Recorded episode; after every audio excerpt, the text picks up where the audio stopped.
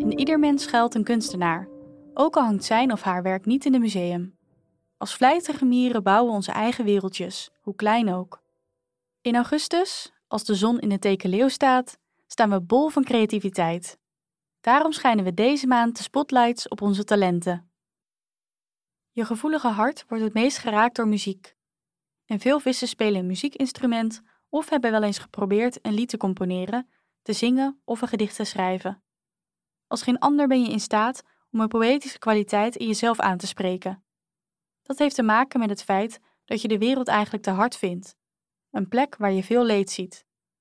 Je verlangen naar schoonheid is eigenlijk een diep verlangen naar een zachte wereld vol liefde, een verlangen anderen te troosten.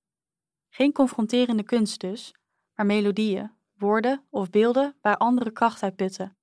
Want dat is wat je wil bereiken: anderen hoop bieden.